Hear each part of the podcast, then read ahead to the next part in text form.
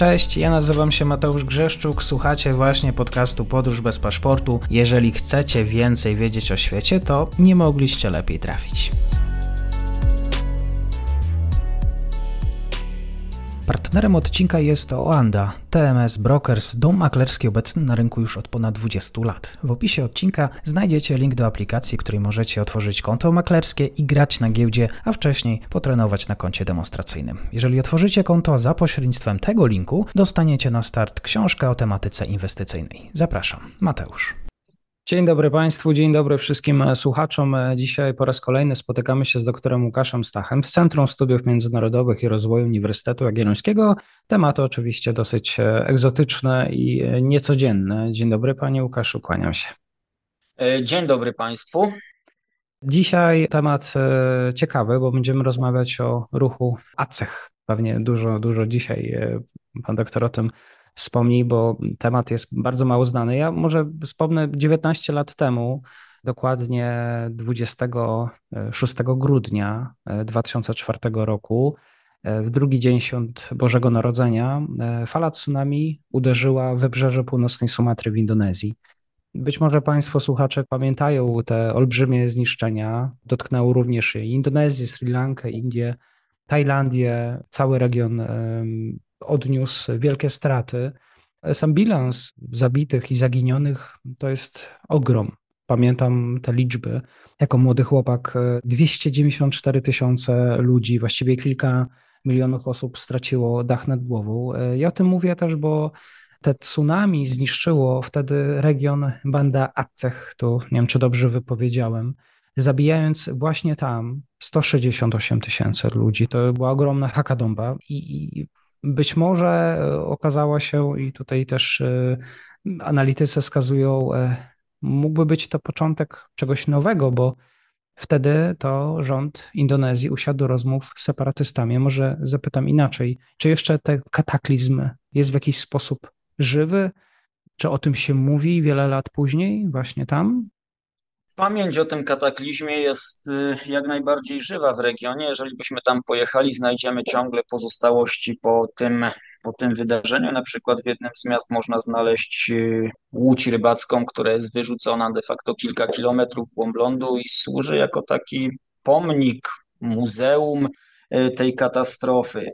Poza tym ten region no, ciągle odbudowuje się po zniszczeniach y, tego. Oczywiście większość rzeczy została już odbudowana, natomiast y, bezwzględnie pamięć o tym wydarzeniu jest bardzo żywa, ponieważ no, w nowożytnej historii tego regionu Aceh była to największa katastrofa naturalna. Natomiast paradoksalnie z jednej strony fala tsunami przyniosła gigantyczne zniszczenia i ogromną liczbę ofiar śmiertelnych, ale doprowadziła, czy stała się z takim jednym z czynników, który zakończył, czy przyczynił się do zakończenia konfliktu, który trwał w tym regionie od końca lat 70. XX wieku, ponieważ właśnie fala tsunami zmusiła niejako ruch wolnego Aceh do negocjacji, czy przyspieszyła te negocjacje pokojowe z władzami Indonezji i doprowadziła do podpisania porozumienia, które właśnie zakończyło trwającą bodajże od roku 1977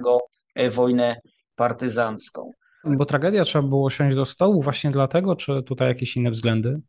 Czy generalnie rzecz biorąc, y, jeżeli chodzi o przyczyny, dlaczego właśnie doszło do negocjacji i do finalnego zakończenia tego konfliktu, ponieważ dzisiaj, skoro rozmawiamy o prowincji Jacek, musimy powiedzieć, że to jest jeden z tych konfliktów, który uległ zakończeniu.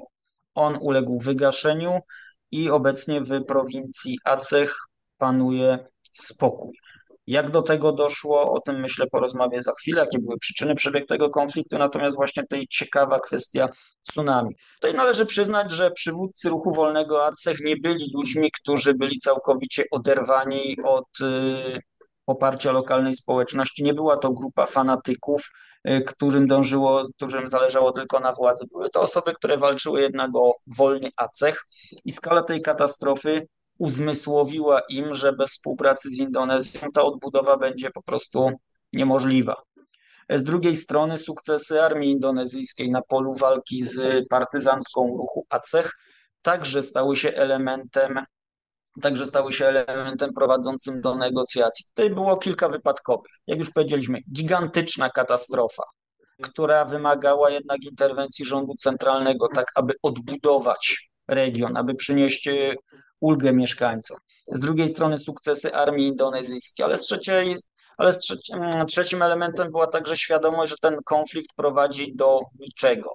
Z jednej strony e, ruch wolnego Aceh, jego liderzy zdawali sobie sprawę, że armia indonezyjska w tym momencie jest w ofensywie i cele polityczne, które oni sobie postawili, mogą być bardzo trudne do zrealizowania. A jednym z takich celów było tutaj powtórzenie scenariusza z Timoru Wschodniego, czyli po prostu wprowadzenie referendum niepodległościowego i najprawdopodobniej ten wynik byłby podobny jak w Timorze, czyli po prostu niepodległość Aceh.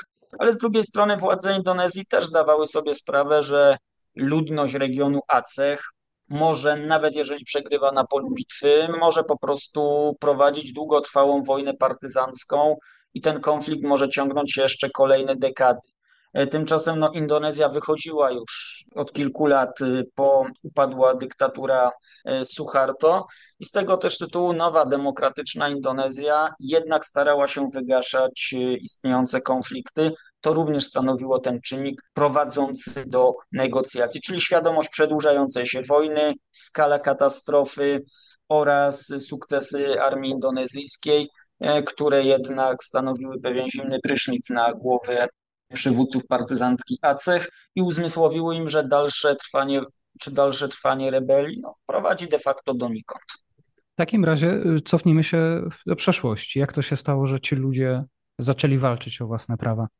Tutaj musimy pamiętać, cóż, Aceh jest, y, jeżeli chodzi o jego lokalizację geograficzną, to jest północna Sumatra, Sama Indonezja, jak doskonale wiemy, liczy ponad 260 milionów mieszkańców.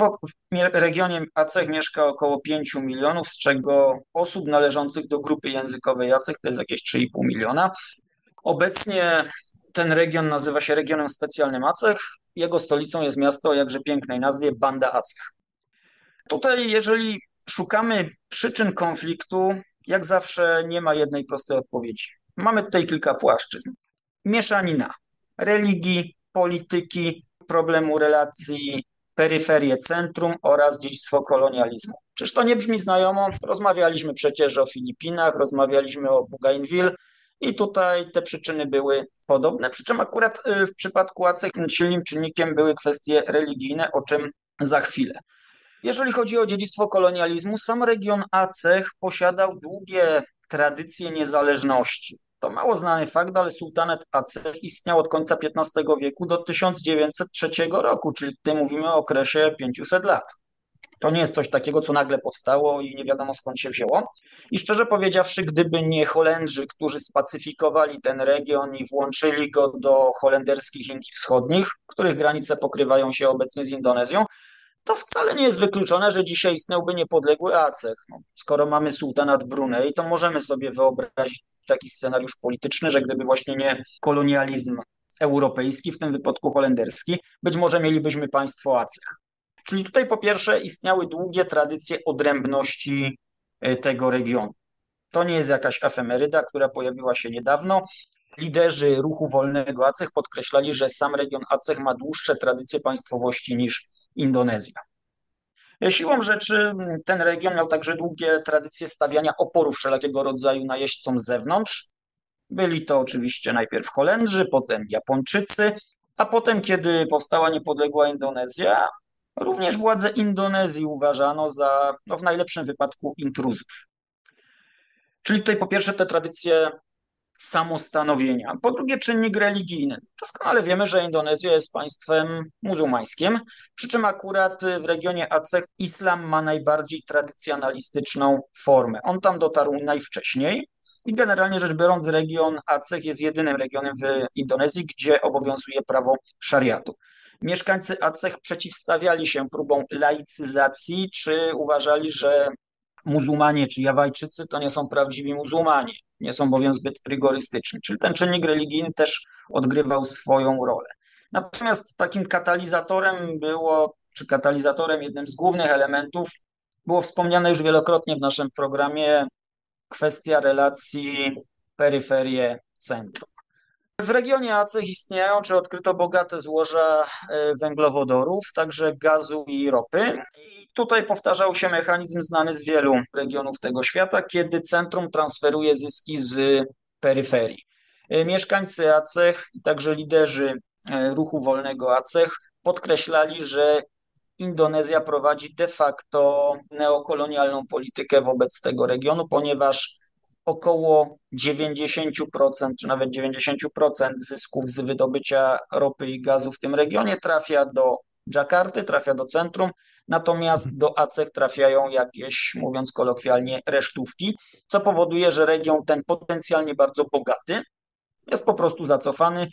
Ludność pracuje w przemyśle wydobywczym. Jest też traktowana jako no, tania siła robocza, bo najbardziej, że tak powiem, zyskowne czy najbardziej prestiżowe stanowiska obsadzają Jawajczycy, czyli mieszkańcy, którzy przybyli z metropolii, ludzie, którzy przybyli z metropolii, a ludność miejscowa de facto jest wykorzystywana jako tania siła robocza, a region nie czerpie z tego zysku. Właśnie kiedy powstawał ruch wolnego ACET w połowie lat 70., jego lider Hassan Ditiro podkreślał, że Indonezja prowadzi de facto neokolonialny wyzysk prowincji, że pieniądze, zyski z wydobycia ropy i gazu trafiają do centrum, tymczasem Aceh nie ma tego zbyt wiele.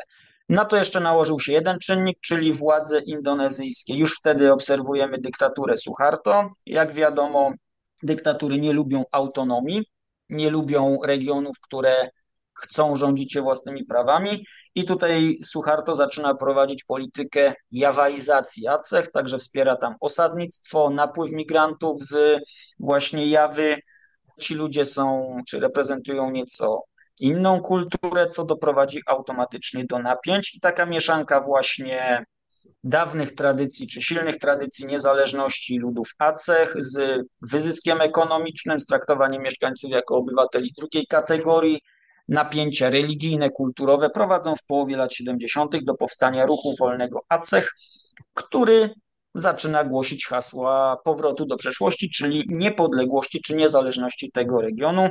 Oczywiście władze Indonezji na to nie przystają. Skutkuje to wybuchem wojny partyzanckiej. Ja tutaj też e, nadmienię jeden wątek. Jeżeli wiele, wiele w tych wątków po prostu ma ten e, wątek energetyczny, surowce, tak jak patrzę na nasze też poprzednie rozmowy, wiele się o to rozchodzi. A jak najbardziej, no tutaj nie oszukujmy się, że jest to powiedzenie, może ono nie zawsze pasuje do każdej sytuacji, ale jak nie wiadomo o co chodzi, to chodzi o pieniądze. No tutaj mamy do czynienia, tego typu przykładów znajdziemy wiele. Mamy do czynienia z czym? Z gigantycznymi pieniędzmi. Mówiliśmy o Bougainville, mhm. miedź. W wielu regionach świata znajdziemy podobną sytuację, gdzie dostęp do kopali, no chociażby o Kongo, w swoim cyklu programów pan robił audycję o mhm. Kongo i Demokratyczna Republika Kongo i sytuacja tutaj można powiedzieć jest bliźniacza. Mamy gigantyczne pieniądze, mamy surowiec, na który jest ogromne zapotrzebowanie, w tym wypadku ropa, gaz.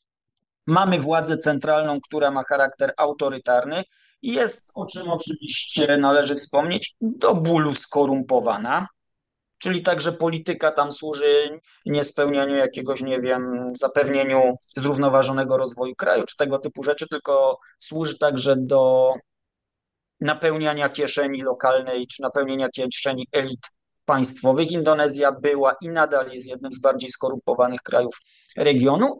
Pojawia się tam oczywiście kapitał, wielki kapitał zachodni, który no jak najbardziej jest zainteresowany czym?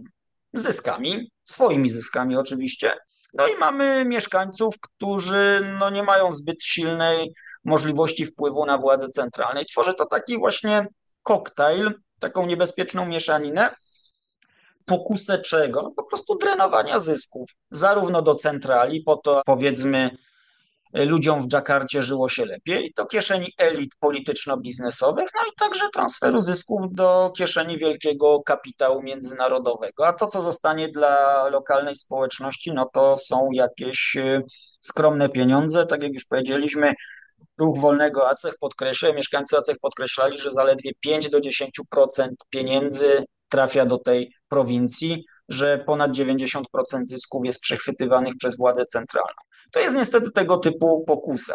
Są oczywiście regiony świata, gdzie sytuacja wygląda inaczej, na przykład Norwegia, gdzie te zyski z wydobycia węglowodorów są dystrybuowane w sposób służący całemu społeczeństwu. No ale mamy niestety takie regiony świata, gdzie surowce służą de facto do realizacji bardzo wąsko pojętych interesów, czy to oligarchii rządzącej, czy to wielkiego kapitału międzynarodowego. No przypadek tej Bongaville, czy wspomnianego Kongo, czy jeszcze paru innych miejsc na świecie pokazuje, że niestety tego typu mają miejsce. No a Rosja przecież także nie jest tu jakimś wyjątkiem.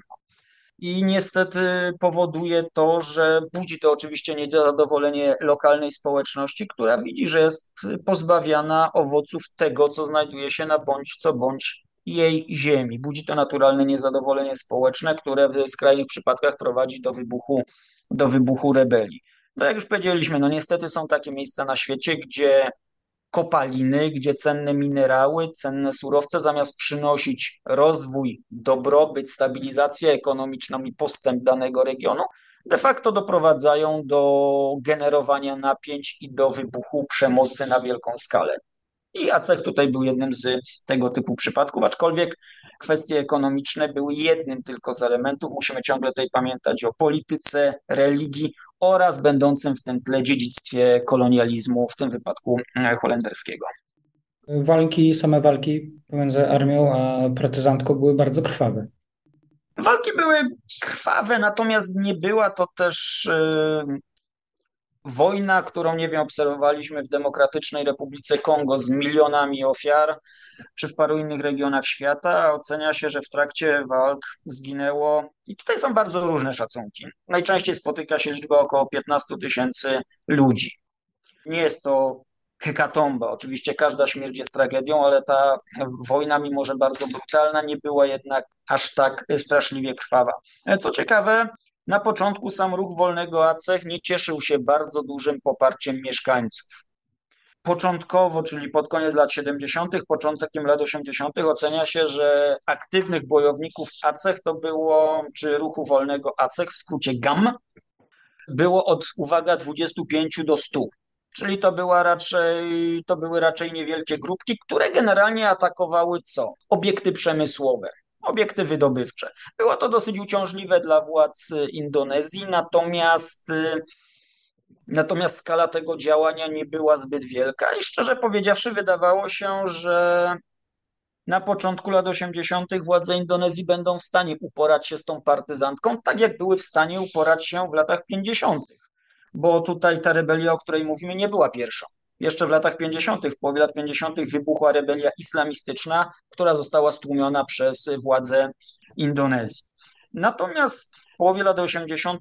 pomoc dla ruchu wolnego ACEH przyszła z najmniej spodziewanej strony, uwaga, od Muammara Kaddafiego który dysponując znaczącymi pieniędzmi właśnie z wydobycia libijskiej ropy i gazu, bawił się w sponsora wszelakiego rodzaju ruchów niepodległościowo-nacjonalistycznych, wolnościowych, antykolonialnych. Tutaj bardzo wiele ugrupowań, które my traktujemy jako ekstremistyczne, jeżeli zapukało do drzwi pułkownika Kaddafiego, to nagle wracało z prezentem w postaci pieniędzy, broni oraz szkoleń. I właśnie tego typu pomoc z Libii trafiła do ACEH. E, pozwoliło to ruchowi wolnego ACEH, pozwoliło to GAM odzyskać e, siły, wyszkolić e, nowe pokolenie bojowników i przejąć inicjatywę w toczącej się wojnie. I tym razem już rozpoczęła się seria ataków na posterunki policji, wojska, likwidowania patroli wojskowych, likwidowania kolaborantów. Armia indonezyjska odpowiedziała w sposób, który zna czyli zaczęła prowadzić represje w stosunku do ludności cywilnej, co tylko napędziło gam zwolenników. I tutaj ruch wolnego ACEH y, zaczął po prostu budować swoje silne struktury i ocenia się, że na początku wieku, czyli na początku właśnie naszego tysiąclecia, XXI wieku, GAM miał pomiędzy nawet 17 a 25 tysięcy bojowników. Ile z nich było uzbrojonych i dobrze wyszkolonych, to jest odrębna sprawa, ale bez wątpienia ruch ten od grupki de facto kilkudziesięciu, potem kilkuset partyzantów, bojowników urósł do ruchu, który no miał co najmniej kilka tysięcy, być może ponad 15 tysięcy bojowników. No tutaj oczywiście ta fala represji spowodowała, że jak to w wojnie partyzanckiej najbardziej ludność ucierpiała ludność cywilna. Armia indonezyjska była oskarżana nie bezpodstawnie o tortury, zabójstwa, pacyfikację. Tutaj ta strategia koń, czyli strategia wojny przeciwpartyzanckiej w wykonaniu indonezyjskim, no to niespecjalnie sprowadzała się do wygrywania walki o serca i umysły lokalnej społeczności. To raczej były coś, co można nazwać pacyfikacjami. Przy czym tutaj Indonezja raczej starała się, oczywiście zdarzały się, jak już powiedziałem, przypadki pacyfikacji, mordów na ludności cywilnej. Trudno było odróżnić przecież, kto jest bojownikiem, a kto przypadkowym cywilem. Natomiast Indonezja raczej starała się też prowadzić działania wymierzone w kierownictwo ACEH, tak aby likwidować liderów ACEH. Czasami robiła to na tyle skutecznie, że część kierownictwa tego ruchu musiała emigrować, wylądowała na przykład w Szwecji. I tego typu wojna partyzancka trwała do początku obecnego stulecia.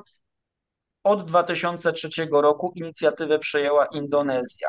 Dlaczego? No po pierwsze, pułkownik Kaddafi zmienił front.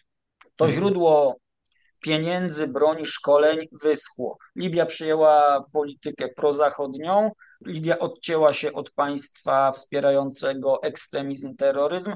No siłą rzeczy pieniądze, broń, możliwość szkolenia bojowników yy, znikły. To osłabiło ruch wyzwolenia ACEH. No po drugie, Indonezja zaczęła sięgać nie tylko po represje, ale także po narzędzia polityczne. Już wcześniej toczyły się negocjacje. Jak już wiemy, rok 98 odchodzi dyktatura upada, Indonezja się demokratyzuje. Mamy kasus Timoru Wschodniego, 1999 rok, referendum niepodległościowe. Pojawiają się tendencje do nie tylko siłowego rozwiązania sporu, ale także do negocjacji. Przy czym oczywiście nowe, powiedzmy, demokratyczne władze Indonezji zdają sobie sprawę, że tutaj nadmierna ustępliwość może doprowadzić do dezintegracji państwa, które przecież ma charakter wieloetniczny, wielo E, wielokulturowy, nie jest jednością. Dlatego też pojawia się opcja czego? Szerokiej autonomii. Z drugiej strony GAM dąży do próby umiędzynarodowienia konfliktu i powtórzenia referendum niepodległościowego, natomiast te wysiłki nie kończą się e, sukcesem. Tutaj należy pamiętać, że po stronie GAM, po stronie ruchu wolnego ACEH nie stoi żadne duże mocarstwo. Jest to mówiąc może mało przyjemnie, jednak wewnętrzna sprawa Indonezji. Niepodległy ACEH nie jest w interesie żadnego dużego gracza międzynarodowego, a Indonezja wkracza na ścieżkę szybkiego rozwoju gospodarczego, staje się znaczącym partnerem handlowym, biznesowym, dostarczycielem surowców naturalnych i generalnie rzecz biorąc Dżakarty nikt nie chce drażnić, co oczywiście osłabia pozycję wszelkiego rodzaju rebeliantów. Y, od 2003 roku armia indonezyjska odnosi sukcesy. Armia indonezyjska chwaliła się, że wyeliminowała około 50% siły y, bojowników ACEH, a potem przychodzi to, o czym wspomnieliśmy, czyli straszne tsunami, gigantyczna liczba ofiar, konieczność odbudowy regionu i jednak podpisania porozumienia pokojowego, ponieważ nie da się odbudować regionu w warunkach toczącej się wojny partyzanckiej. Tutaj trzeba przyznać, że to, co już powiedzieliśmy, kierownictwo ACEH nie składało się z fanatyków pokroju kierownictwa państwa islamskiego, którzy byliby w stanie poświęcić, nie wiem, jakąś liczbę ludności w realizacji swoich politycznych ambicji. Tutaj kierownictwo ruchu wolnego ACEH jednak zdało sobie sprawę, że sytuacja jest wyjątkowa i na jakąś formę kompromisu z władzami w Dżakarcie należy pójść. I takie porozumienie pokojowe podpisano w 2006 roku, który właśnie dał regionowi e, szeroką autonomię, a w kwestiach religijnych region Aceh jest jedyną częścią Indonezji, gdzie obowiązuje prawo szariatu. I ten konflikt uległ wygaszeniu. I jeżeli chodzi o dzisiaj współczesność, czy jakaś pamięć o tym ruchu również w kwestii e, osób, które stoją, stali za partyzantami, e, jest jeszcze obecna, być może jakimś zaangażowanie politycznego w parlamencie? E, jak najbardziej. Ruch Wolnego ACEH przeszedł transformację właśnie od ruchu partyzanckiego. do ruchu politycznego. Zresztą nie było to zbyt trudne, ponieważ ten ruch od samego początku miał jasno sprecyzowane cele polityczne, a nie da, że w warunkach dyktatury nie udało się ich osiągnąć drogą, powiedzmy, demokratyczną czy negocjacji, no to sięgnął po narzędzia zbrojne. Natomiast kiedy pojawiły się warunki do kompromisu politycznego, on został osiągnięty. On został osiągnięty.